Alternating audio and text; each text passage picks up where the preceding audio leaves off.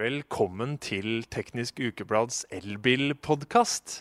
Jeg heter Mathias Klingenberg, og dagens tema er hvor stort elbilbatteri man egentlig trenger. Vi er så heldige å få besøke Masta på Kolbotn. Og jeg sitter her med Petter Brink, som er produktsjef i Masta. Vi, PR og produktsjef, faktisk. PR og produktsjef, nettopp. Vi sitter her foran deres første serieproduserte elbil, MX30. Og i og med at eh, temaet er elbilbatteri, så går vi like godt inn på det med en gang. Batteriet på denne kompakt-SUV-en er på 35,5 kWt. Noe som eh, dere oppgir at eh, WLTP-rekkevidden er da rundt 200 km. Hvorfor har dere valgt en sånn bil som deres første elbil? Ja, for, å, for, å, begynne veldig enkelt, så uh, har vi uh, Mazda har hatt en visjon for MX30 uh, om å lage en elbil med et minst mulig karbonavtrykk over bilens livssyklus. Samtidig skal det være en bil som selvfølgelig er praktisk, i den forstand at den dekker kundens hverdagslige behov, er det vi, vi pleier å si. Ehm, det gir en, eh, den rekkevidden på 200 km, er komfortabel i hverdagen. Ehm, og så får jeg nesten påpeke at den blir eh, Vi, vi har jo også 262 km eh, ved bykjøring, da, som er aktuelt for veldig mange. Mm, F.eks. Audi E-tron er jo Norges mest uh, solgte elbil i år, som har nesten tre ganger så stort uh, batteri. Uh, hvilken målgruppe henvender dere til med MX30? Ja, MX30 dekker jo åpenbart litt andre, litt andre behov enn det en, Audi E-tron gjør, og det er jo også helt annen, et helt annet segment. Når det gjelder målgruppen for MX30, så er den egentlig veldig bri. Eh, bred, unnskyld. Den er ikke sånn eh, pinpointet på én bestemt kundegruppe, men men den er en god match for alle som trenger en elbil, som har rekkevidde nok til å gjøre alle disse daglige gjøremålene. Um, og, eh, og, så er det som enhver annen Masta. Eh, vi, vi, retter oss jo litt ekstra mot dem som liker godt design, gode kjøreegenskaper og, og byggekvalitet, da, som kjennetegner alle våre biler. Og Hva er det som gjør dette til en bil for Norge? Ja, den, eh, I Norge så bor vi jo eh, i eh, byer og bysentra ganske spredt, men holder oss gjerne innenfor disse områdene. Og veldig mange har forholdsvis kort vei til mellom der de bor, der de jobber, der barna går på skole, der det er fotballtreninger og disse tingene. Og da er denne bilen ideell for å komme seg mellom alle disse daglige gjøremålene. Nettopp. Dere reklamerer jo for at dette er en bil som passer eh, en aktiv familie, og den har rekkevidde nok for en aktiv familie. Hva, hva legger dere i det? Det er litt det jeg var inne på uh, i, det forrige spørsmålet. At uh, den aktive familien som kanskje kjører til og fra jobb, kjører innom skolen på vei dit, kjører innom skolen på vei tilbake, eller barnehagen. Og så skal du kanskje ut og løpe rundt Sognsvann eller eller eh, levere noen på en fotballtrening. Eh, og holder, eh, den rekkevidden holder til den type bruk i hverdagen. Nettopp fordi den faktiske gjennomsnittlige kjørelengden per dag i Norge, den er ikke så, så lang. Altså SSB, hvis du tar gjennomsnittlig kjørelengde og deler på antall dager i året, så får du 33 km. Eh, men dere har en undersøkelse som viser 48 km, og reisevaneundersøkelsen sier at en gjennomsnittlig reise i Norge er på 19 km. Ja, og det er jo dette vi da har eh, hatt i bakhodet også når vi har utviklet denne bilen. Eh, og ser at eh, denne rekkevidden da eh, er mer enn nok til, til daglig bruk. Nettopp. Samtidig så er det jo mange bilprodusenter som ikke anbefaler å lade i dagliglivet til over 80% Og så kan man fort få den derre hvis man går under 10 eh, på batteriet. hvis man har disse forutsetningene, så er det 70 eh, tilgjengelig som komfortabel kjørelengde. Og noe som vil tilsvare 140 km, la oss si. Og hvis man da til og med snakker om på vinteren, så er det kanskje plutselig nede i 100 km rekkevidde. Er det nok? Jeg syns jo kanskje formuleringen er litt sånn uh, i grenseland. Uh, jeg må forholde meg til bilens uh, oppgitte rekkevidde, som er 200 km ved kombinert kjøring etter WLTP-syklusen. Um, så er det jo en kjensgjerning at uh, rekkevidden blir noe kaldere om vinteren. Akkurat hva den vil være for denne bilen, vet jeg ikke, for det er ikke testet ennå. Uh, men uh, og det er også riktig som du sier at man anbefaler gjerne at Eller mange anbefaler at du ikke lader så mye over 80% som hver eneste gang du lader. Det er ikke dermed sagt at du ikke kan lade et batteri til 100 Og de aller fleste vil jo vite om de har behov for å kjøre mer enn ja, du sier 10 mil, men si 15 mil. da mer enn dagen i forveien, så da kan du jo lade til 100 da, slik at du har hele bilens rekkevidde tilgjengelig når du trenger den. Nettopp. Nettopp. Um, hvis vi skal tenke på langturpotensialet eller egnetheten her, og man kan jo se for seg det er 30 mil til uh, fjellet, altså hytta på fjellet, med en skrikerunge i baksetet, uh, er denne bilen egnet til sånt bruk? Det vil jeg jo si at den er. Det er helt uproblematisk å dra på en langtur eh, med en bil med denne rekkevidden. Eh, du må selvfølgelig regne med at du må lade en gang på veien. Eh, hvis du har en skrikerunge i baksetet, sånn som i ditt eksempel, så, så, er det kanskje greit å få en liten pause også.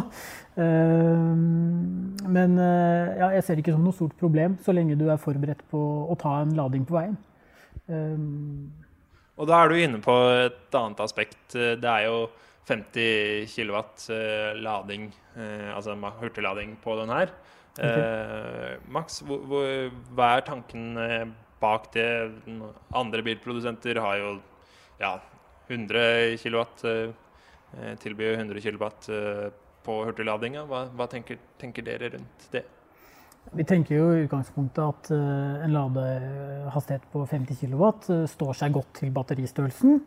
Eh, I og med at batteriet har en moderat kapasitet, så går det forholdsvis raskt å, å lade opp eh, med den farten. Halvtime, 40 minutter, så er det jo oppe i 80% igjen, ikke sant. Um, og det er jo også en forholdsvis standard ladekapasitet i, i, i dette segmentet, da, får man jo si. Nettopp, nettopp. Vi, jo, vi tester jo denne bilen nå, og har kjørt den litt. Det er jo en altså, det er jo en så god bil å kjøre. altså Kvalitetsfølelsen er jo helt rå. Uh, men du, du, føler at du sitter i en premiumbil, ikke en bil til 250 000.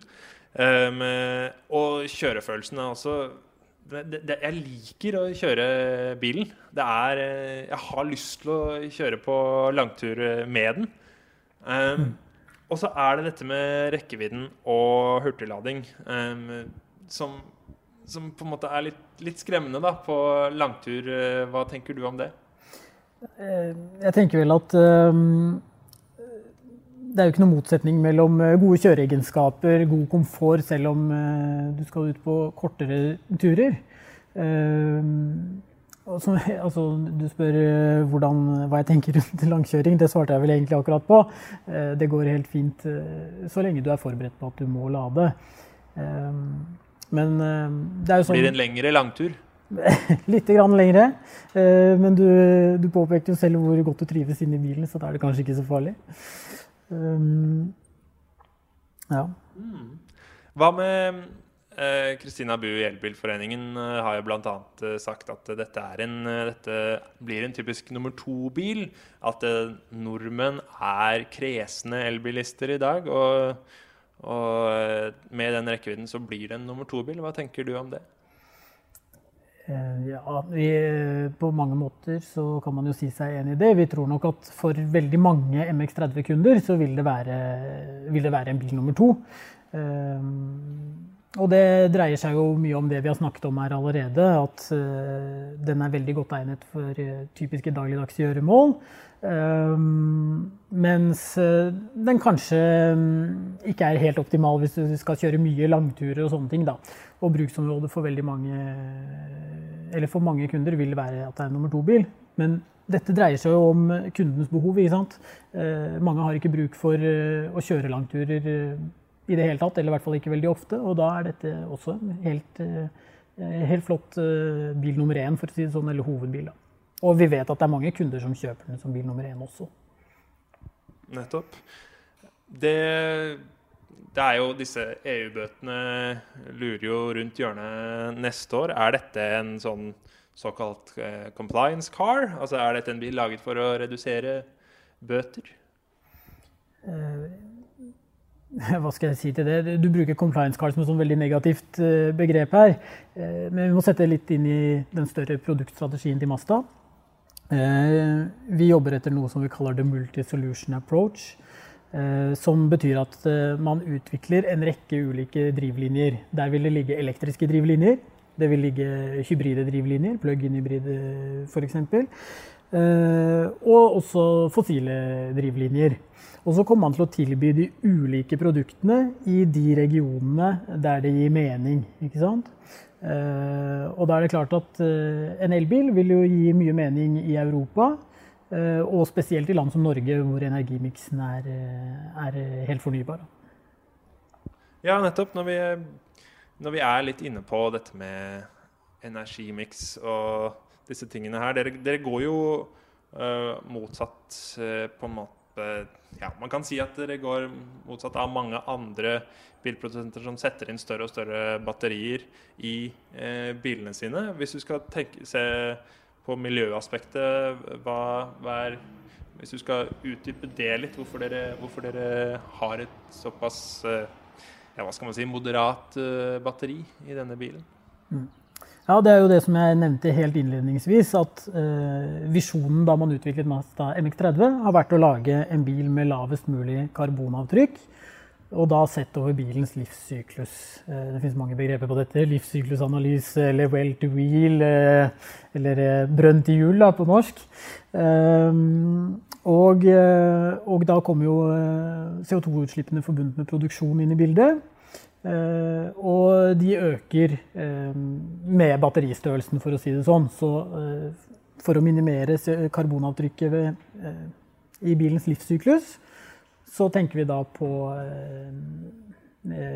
Unnskyld. Da ser vi jo at batteristørrelsen har mye å si. og det er et argument for å bruke et, et mindre batteri.